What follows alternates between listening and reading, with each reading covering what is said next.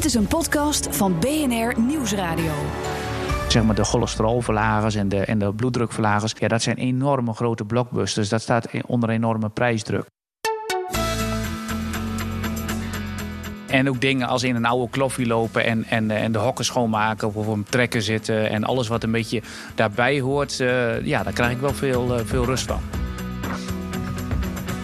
Fijn dat je luistert. Dit is BNR in Bedrijf at Home. Mijn naam is Maarten Bouwhuis.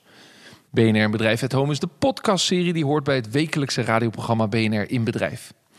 Daar staat het bedrijf centraal en in deze podcastserie staat de ondernemer zelf centraal. En dat doen we dus thuis. BNR in Bedrijf at Home dus. En vandaag ben ik de gast bij een hele bijzondere ondernemer, Wijte Oldenziel. Wijt is directeur-eigenaar van Ovigem Groep in Ter Apel. Het bedrijf maakt bestandsdelen voor medicijnen voor fabrikanten over de hele wereld. We focussen ons in deze komende serie op ondernemers die een radicale keuze hebben gemaakt om iets nieuws te doen en iets op een andere manier te doen en zichzelf ook op een nieuwe manier hebben uitgevonden. Zeg Wijten, we staan op jouw uh, landgoed. Je, je, je, je, blijft het wel landgoed noemen, of, of vind je dat ook uh, lastig eigenlijk? Nee, het is gewoon een, een groot huis, een groot woonhuis met, met een paardenspul uh, erbij. Paardenspul, want jij bent een, een paardenliefhebber van jongs af aan al. Klopt, ja. Ja, ja mee opgegroeid. En dat betekent, je kreeg de kans om, uh, om dit te kopen. Een, prachtig huis uh, in het uh, Drentse land. En dan met paardenstallen erbij. Nou, ik zit hier naast na, naar een prachtige witte schimmel te kijken. Hoe, hoe heet hij of zij? dit is, het paard heet Finn. Ja. Een dame? Nee, dat is een heer. Dat is een heer.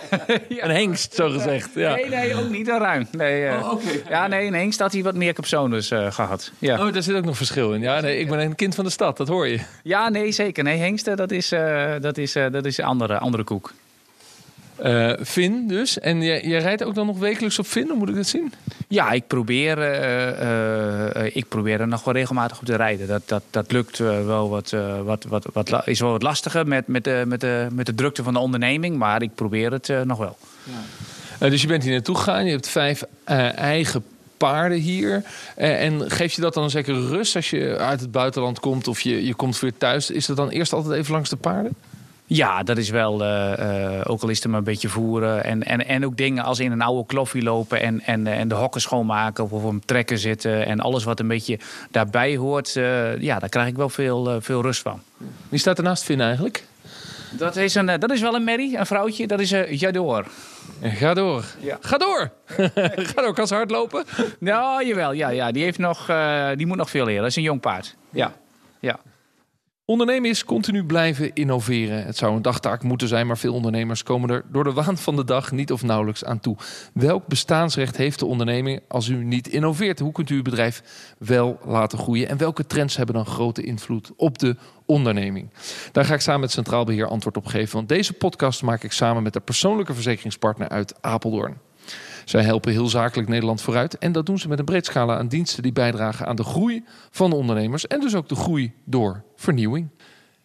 Ja, en ik zit wijten bij jou aan tafel, uh, aan een heerlijke mooie houten tafel in een uh, landhuis slash uh, ja, een beetje boerderijlook, maar ook weer niet helemaal. Een wel mooi rieten dak. Op een landgoed, waarvan je zegt een landgoed in Drenthe, vlakbij Grollo. Ja, dat is een, een oud landgoed uh, wat jij hebt kunnen kopen en hebt kunnen opknappen, maar niets is minder waar. Het is eigenlijk een heel nieuw landgoed wat je hebt kunnen kopen om eigenlijk je hart te volgen. Om, uh, waar we het net al over hadden, ook je paarden dicht bij je te kunnen hebben en lekker de ruimte en het groen um, bij je te hebben.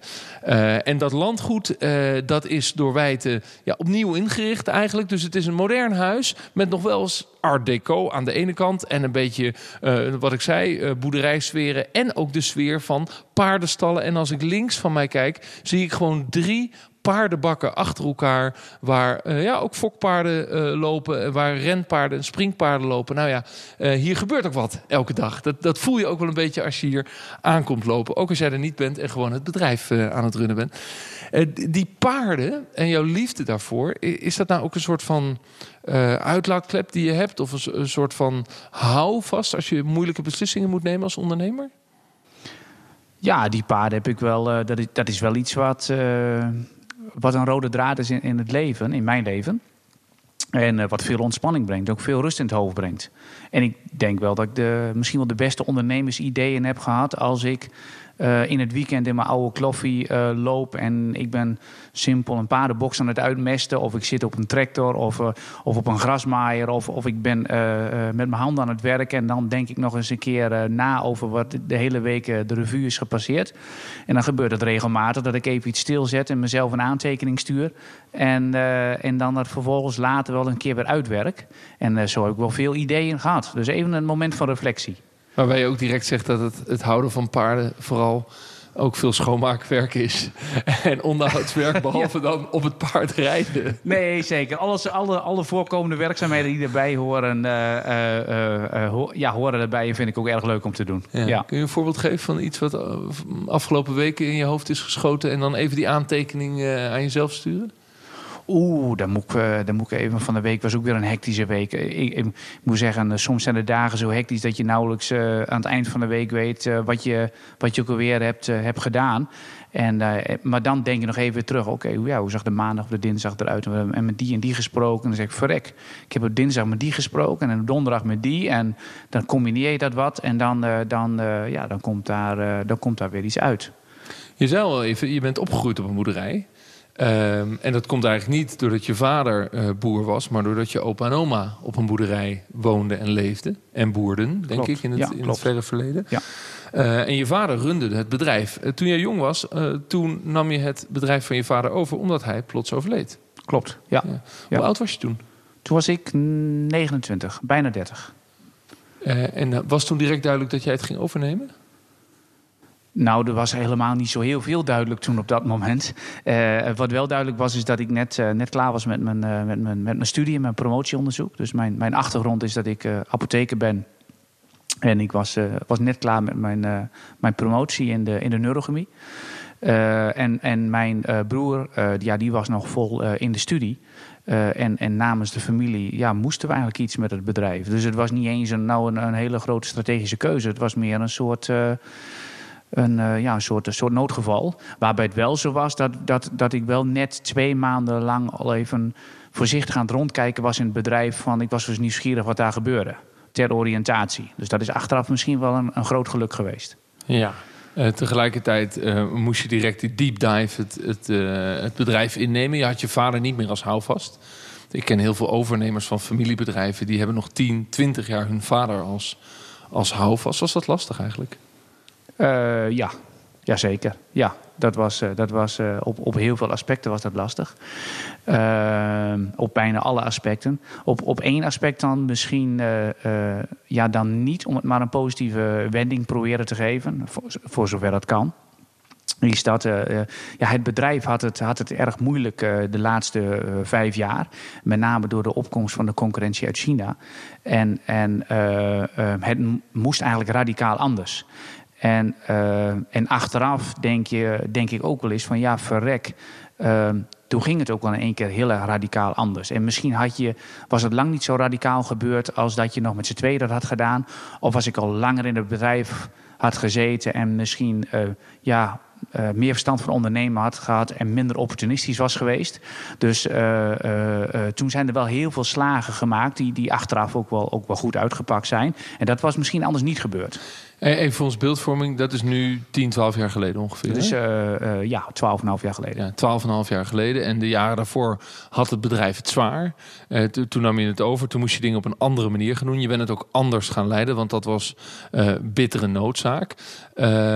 want je bent, bent het bedrijf, daar hebben we in de radio-uitzending over, ook over gesproken, gaan opsplitsen. later pas hè, in allerlei BV's en heel veel ondernemerschap stimuleren. Maar je zei net zelf, ik had eigenlijk helemaal geen ervaring als ondernemer. Hoe wist je nou dat je wel ondernemer wilde worden?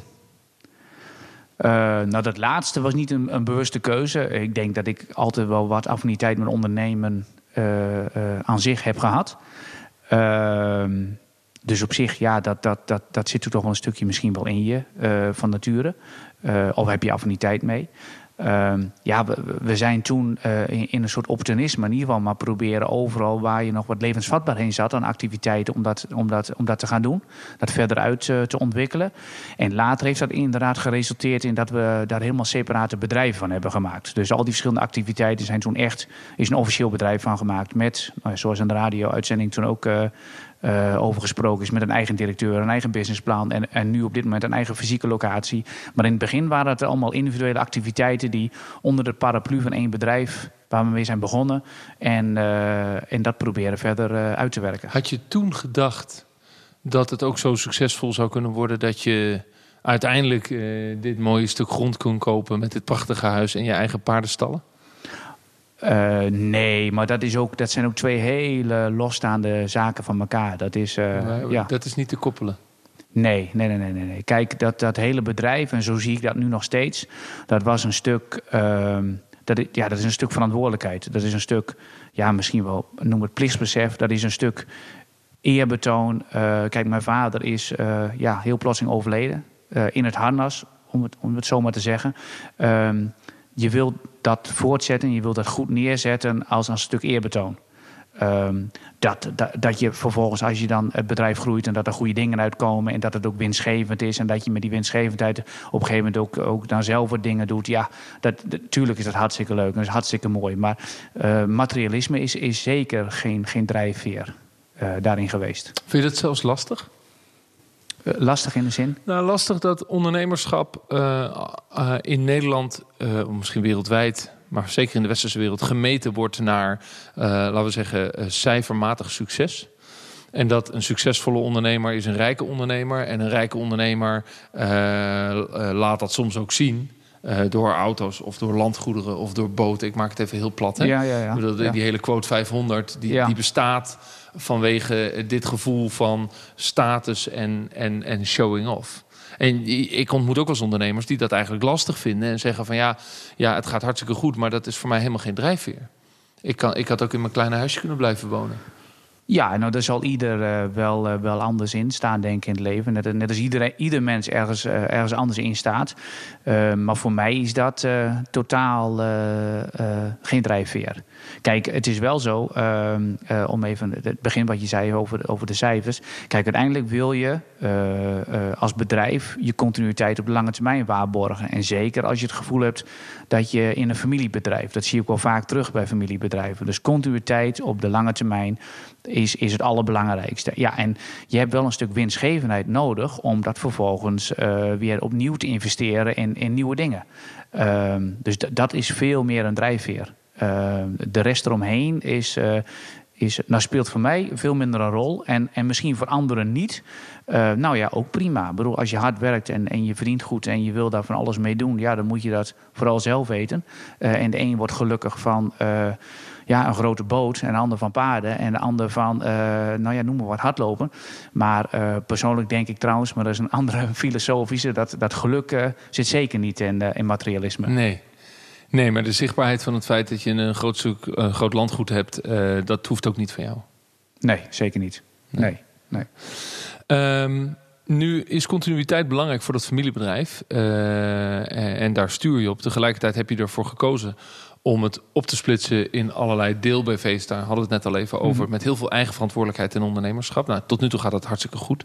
Is het moeilijk om controle te houden, omdat je het eigenlijk dus uh, qua sturing van de verschillende onderdelen van het bedrijf uh, iets verder van je vandaan hebt gezet?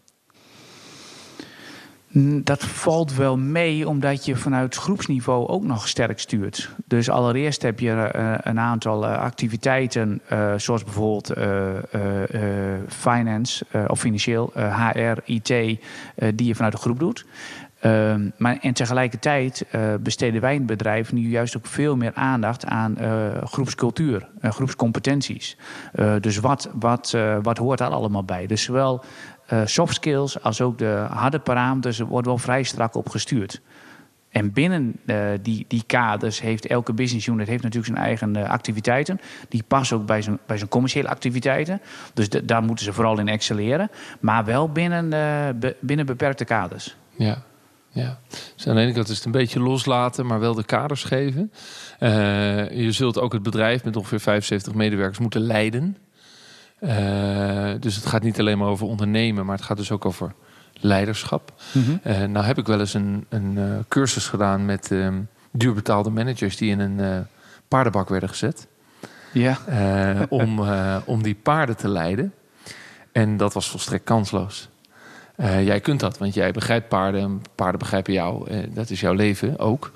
Helpt dat? Ja, ik, ik, ik ken eh, dat soort cursussen van horen zeggen. Maar daar kan ik inhoudelijk geen, eh, geen oordeel over geven. Dat, dat weet ik niet. Ik, ik Nee, het gaat me niet over de cursus, het gaat me over jou. Helpt het dat jij dat een paard voelt eh, of jij wel of niet, laten we zeggen, bereid bent om contact te maken met het paard waarom het mee wil? En heb je daar ook iets aan als ondernemer? Nou ja, een paard voelt zeker eh onderhuidse eh, zeg maar spanningen of gevoelens of, of dat soort zaken. Ja, eh, ja zeker. Ehm, maar ik, ik kan dus niet voor mezelf beoordelen of ik daar wat aan heb, omdat ik daarmee opgegroeid ben. Dus ik ken niet anders. Ja. Ik ken mijn andere ik niet dan, dan, dan, dan met die paarden. Dus ik denk dat het zeker je wel, wel heeft gevormd. Ja. Nou, nou woon je hier nog niet zo lang met je eigen paarden, maar wel eens overwogen om het managementteam een dagje de bak mee te nemen? Heb ik nog niet overwogen, maar dat, dat is een goede suggestie. Ja. Dat is best leuk. Ja, ja, Ik bedoel, ja. Je hebt de tools hier in handen, zou ik zeggen. ja. De, de business waarin jullie actief zijn, hè? halffabrikatenproductie voor de medicijnproductie en ook R&D op dat gebied. Eh, dat is ook een, een, eh, een, een harde business. Ik kan me voorstellen dat het een prijsbusiness is, maar tegelijkertijd is het een business die ook onder de loep ligt, waar ook kritiek op is. Zeker als het gaat over de invloed van medicijnproducenten. Hoe, hoe, hoe ervaar je dat zelf eigenlijk? Ja, oeh, je noemt nou heel veel tegelijk. Wat, wat, je precies? eh? Nou, laten we beginnen met het begin. De, de, de business waar je zelf in zit. Is dat, een, is dat een, een, eh, die halffabrikaten, productie en levering daarvan en R&D daarin... is dat een, een harde prijsbusiness? Een harde concurrentiebusiness? Een, een, eh, dat is dus heel wisselend. Een deel van het aspect zeker. Ja, als je in het generieke gamma zit, dan is dat echt een, een, een, een prijzenoorlog. Ja. En de vertaling daarnaar dat er uiteindelijk medicijnen worden gemaakt... eh, waar dus het eindproduct is. Eh, en dat is dus een wereld waar eh, vanuit politieke maatschappij... heel vaak kritiek op komt. Ehm, eh, vind je dat lastig dat je uiteindelijk toeleverancier bent van die industrie? Nee, nee, eigenlijk niet. Begrijp je En- de kritiek van de maatschappij soms? Zeker. Maar ik vind als er dan kritiek is, moet je daar ook, eh, moet je daar ook wel iets mee doen. En moet je dat ook. eh, moet je eh, mensen ook recht in de ogen kunnen kijken. En, en, en, en, en, moet je daar ook een plausibel antwoord op hebben. Ehm, kijk, wij willen met elkaar gewoon goede gezondheidszorg, goede medicijnen. Ehm, en en dat is, daar staat ons bedrijf ook voor. Hè. Wij zeggen gewoon, ons bestaan zegt is dat elk mens en dier verdient gewoon een veilig geneesmiddel. Punt. Daar geloven wij in. Maar tegelijkertijd heb ik ook in de, in de visie van ons bedrijf staan dat ene kant van het spectrum, als je nou over die hoge eh, geneesmiddelprijzen hebt, wat veel in de, in, de, in de media is de afgelopen maanden en jaren, ja, dat is niet ethisch. Of niet altijd ethisch, laat ik het zo maar zeggen, wat voorzichtiger zeggen. Eh, vinden wij ook. Tegelijkertijd, en dat is ook een belangrijke, kan het ook niet dat er liggen eh, eh, eh, medicijnen in, de- in, in de apothekerskast, generieke medicijnen voor dusdanig lage prijzen, dat een gemiddelde chocoladereep bij een benzinepomp drie, vier keer zo duur is. Dat kan ook niet. Dat is de andere kant van het spectrum. En de waarheid ligt ergens in het midden. En ik denk dat je gewoon open en transparant daar met elkaar moet over communiceren. Want tenslotte willen we allemaal veilige geneesmiddelen en goede geneesmiddelen. Eh, en goede gezondheidszorg. En ja, daar moeten we met elkaar goede dingen in doen. En daar ligt de waarheid ergens in het midden. Ja, want je bent zelf apotheker. Hè? Dus je begrijpt veel van, van hoe dit spel in elkaar eh, zit. Tot en met de medicijntechniek aan toe. Ehm, hoe, hoe werkt dat dan? Is dan het probleem dat de generieke medicijnen zo goedkoop zijn geworden... dat het verdiend moet worden op de medicijnen die nog onder patent lopen? Eh, en dat daar dus soms woekerprijzen voor gerekend worden? Ja, dat- maar dat is wel een beetje te kort door de bocht. Eh, eh, het is zo dat patentgeneesmiddelen... die zijn eigenlijk in de, in de, eh, altijd vrij prijzig geweest. En dat heeft natuurlijk te maken met de lange ontwikkeltijden... de patentsituatie en, en alle, alles wat daarbij komt kijken. Generiek is een industrie geweest die zeg maar enkele decennia geleden is aangegrepen om daar toch een soort wig in te drijven. Dat is goed gelukt. Alleen ja, dat is zo uitgeconcurreerd.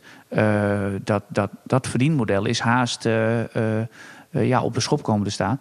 Ehm, en, en wat je nu weer ziet, is dat je heel veel relatief kleine bedrijven hebt, uh, biotech-bedrijven, die goed gefund zijn. En die vervolgens tot een bepaalde fase het ontwikkelen en dat weer opgekocht worden door grote multinationals. en die dan dat weer verder door, doorontwikkelen. Vind je dat een positieve ontwikkeling, dat opkopen, of juist niet?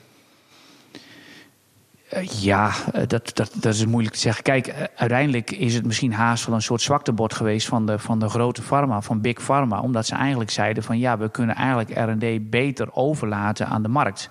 Omdat we misschien ja, zelf te weinig in de pijplijn krijgen. Dus wat er dan gebeurt is, ze zeggen eigenlijk, ze hebben zelf veel R&D-activiteiten uh, en productieactiviteiten afgestoten. Uh, en vervolgens laat ze dat over aan de markt. En dan zien ze eigenlijk wel welke paddenstoel omhoog komt. En ja, dan, dan wordt die opgekocht. Dan kopen ze die omdat ze een grote zak geld hebben. Ja. Um, nou zijn jullie in dat geweld van hele grote medicijnfabrikanten en uh, bedrijven die met investeerders uh, in de markt zijn gezet en beursgenoteerde bedrijven een familiebedrijf. Maakt dat jullie positie anders? Uh, jazeker. Wij zijn een relatief hele kleine speler in, in deze, in deze grote markt. Maar betekent het ook dat je minder agressief uh, hoeft te zijn of wil zijn in dat spel? Of kan dat niet, omdat je dan je positie kwijtraakt? Nee, dat, dat, zeker niet. Je moet wel, uh, je moet wel zeker uh, heel actief, actief blijven. En, um, en, en, ja, en, en daarin de goede dingen doen. Dus wel heel wendbaar blijven. Dus wel een van de visies in het bedrijf is dat je ehm, zeg maar proactief en klantgericht moet zijn in een, in een zeg maar conservatief gedreven farmaceutische sector. Uh, de farmasector is altijd nog een sector waarin in het algemeen uh, best goed verdiend wordt. Maar het ligt wel heel erg aan in welk uh, productgamma je zit. dus je moet daarin wel, wel wendbaar blijven. Zijn er overigens klanten of leveranciers die specifiek met jullie willen werken omdat jullie Overgem zijn en dat familiebedrijf is? En dus misschien een wat andere drijfveer hebben als het gaat over de continuïteit van het bedrijf en de, de snelle winstgevendheid van, winstgevendheid van het bedrijf? Jazeker wel. Er zijn wel een aantal uh, uh, bedrijven, uh, klanten die, ehm, die dat juist erg waarderen. Maar er zijn overwegend vaak ook familiebedrijven, kleinere familiebedrijven.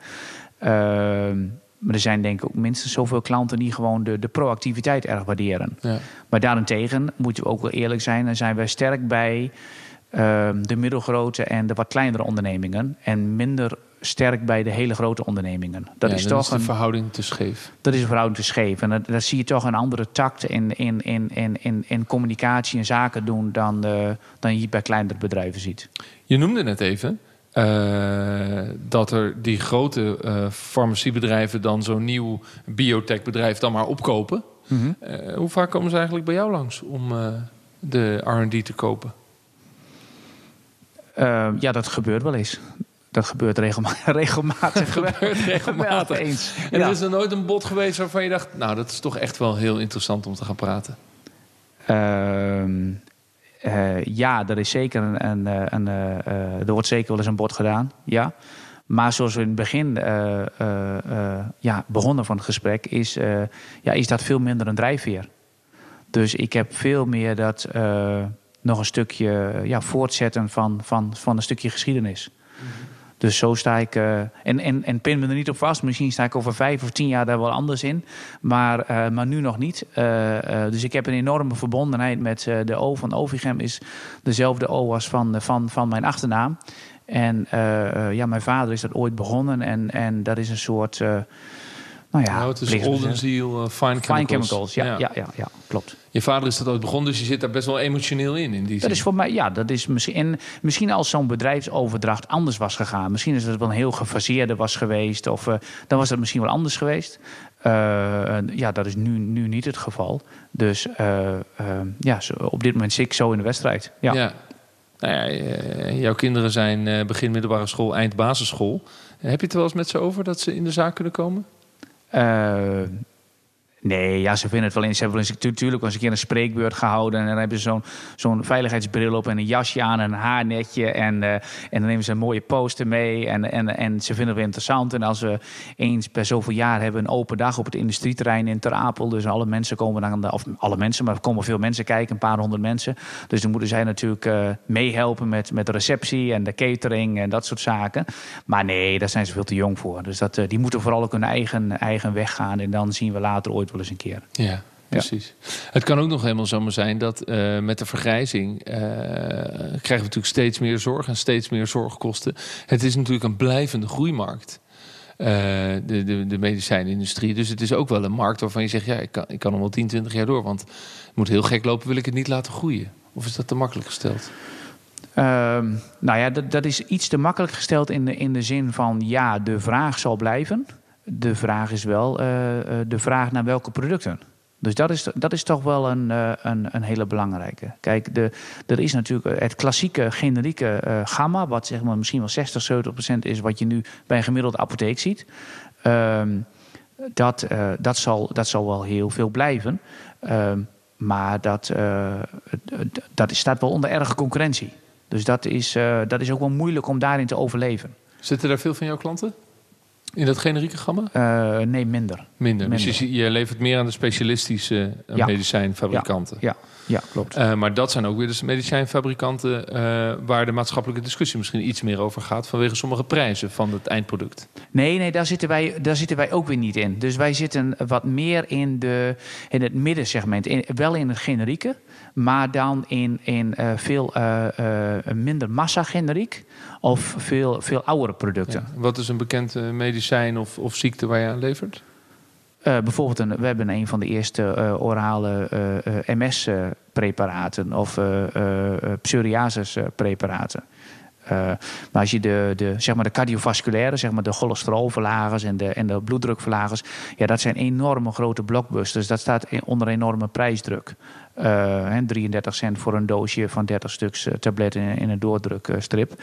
Uh, en en, en uh, ja, wij zitten iets, in iets kleiner, voor minder grote populaties. En er is dat iets, iets, nog iets normaler.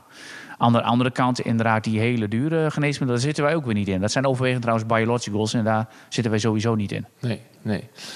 Zal dat overigens nog invloed hebben over hoe die medicijnverkoop in die medicijnmarkt gaat uh, ontwikkelen. Uh, namelijk niet zozeer alleen het technische en waar de vergrijzende samenleving behoefte aan heeft. Maar ook de maatschappelijke discussie waar we het net over hadden. Van hoe de maatschappij en daarmee dus ook de zorgverzekeraars gaan kijken naar bepaalde partijen. En zeggen van op een gegeven moment ga ik bij hem niet meer inkopen. Ik bedoel, wat, wat zal van grotere invloed zijn op hoe die markt zich gaat ontwikkelen? Nou, ik denk dat beide veel invloed hebben. Maar uiteindelijk is uh, ja, wie, wie betaalt, die bepaalt. en ik denk, dat, ik denk dat die maatschappelijke discussie erg goed is. Uh, uh, en, en dat die ook zo verder gevoerd moet, uh, moet gaan worden. En um, ja, daar moeten gewoon. de, sommige prijzen zijn dusdanig, zeg maar, niet ethisch. Ja, dat kun je niet verkopen. Dat kun je niet met de droge ogen verkopen. Uh, dat is iets anders dan dat je... Je mag best uh, natuurlijk als je heel veel investeert en heel veel voor investeert... en dat is mijn, mijn mening hoor... Uh, en, en, en dat duurt tien jaar... en dan wil je natuurlijk rendement op vermogen hebben... en, en dat moet ook, want anders gaan, gaan, gaan bedrijven... ook pensioenfondsen waar wij allemaal bij aangesloten zijn... die gaan daar niet meer in investeren. Dus dat moet ook. Daar moet ook gewoon een stukje winstgevendheid zijn. Maar ja, waar, waar is de kerk en waar is het dorp? Uh, en dat, dat, dat, dat moeten we nu, denk ik, collectief met elkaar uit gaan vinden. Stel over tien jaar, die uh, zorgwereld ontwikkelt verder. We worden grijzer, zeker in uh, de westerse wereld. dus het gaat goed met de business. Overgum is gegroeid en heeft nog meer BV's of grotere BV's. En eigenlijk merk je dat als beheerder van de groep... dat het eigenlijk best wel, best wel goed gaat. De kinderen studeren, dus die komen hier ook niet meer dagelijks over de vloer. Uh, zit jij dan als CEO 50 uur per week in de business en toch best wel kort op de bal? Of is daar dan het moment dat je denkt, maar wacht eens even, ik kan deze prachtige plek, dit landgoed, verder ontwikkelen tot paardenhub in Noord-Nederland. Met een bed and breakfast, met een zorgboerderij, met vakantieappartementen, met een manege erbij. Uh, en daar steek ik dan 80% van mijn tijd in. En 20% van de tijd ben ik een soort van, nou ja, externe bestuurder uh, van het prachtige, prachtige medicijnbedrijf. ja, nou, dat, dat gaat het eerste worden. En dan misschien nog geen 50 uur, maar ik hoop ook nog wel iets meer dan 50 uur. Oh ja? Nee, nee, ik vind het ondernemen vind ik prachtig. Dus dat is. Uh... Dat, gaat niet, dat gaat niet terug naar. Ik trek me terug op het landgoed en daar nee. gaat de kern van mijn onderneming. Want je bent een goede ondernemer, dus je kunt dit ook laten floreren. Ja, nou dankjewel. Ja. Uh, maar uh, nee, nee, dat is niet mijn ambitie. En, of ik moet over tien jaar er opeens heel anders in gaan staan. en dan, dan ontdek ik kanten van mezelf die ik nog nooit ontdekt heb. Maar dat zie ik nog 1, 2, 3 niet gebeuren. Nee, nee. nee Voorlopig vind... hou je het gewoon bij af en toe een hok schoonmaken en op Vin rijden op zaterdagochtend. Ja, precies. Ja, je klopt. Ja, ja, ja, ja, ja. Nee, ik vind ondernemen prachtig. Dus ja, ja. Daar gaan we mee door. Dat zij ondernemer Wijte Oldenziel. Uh, vanuit zijn prachtige huis hier in uh, Drenthe, vlakbij Grollo. Dat was alweer de elfde podcast in de serie BNR in Bedrijf. Luister ook naar onze wekelijkse radio-uitzending op BNR of gewoon via bnr.nl. Bedankt voor het luisteren. Dag. BNR in Bedrijf at Home wordt mede mogelijk gemaakt door Centraal Beheer. De persoonlijke verzekeringspartner van Zakelijk Nederland.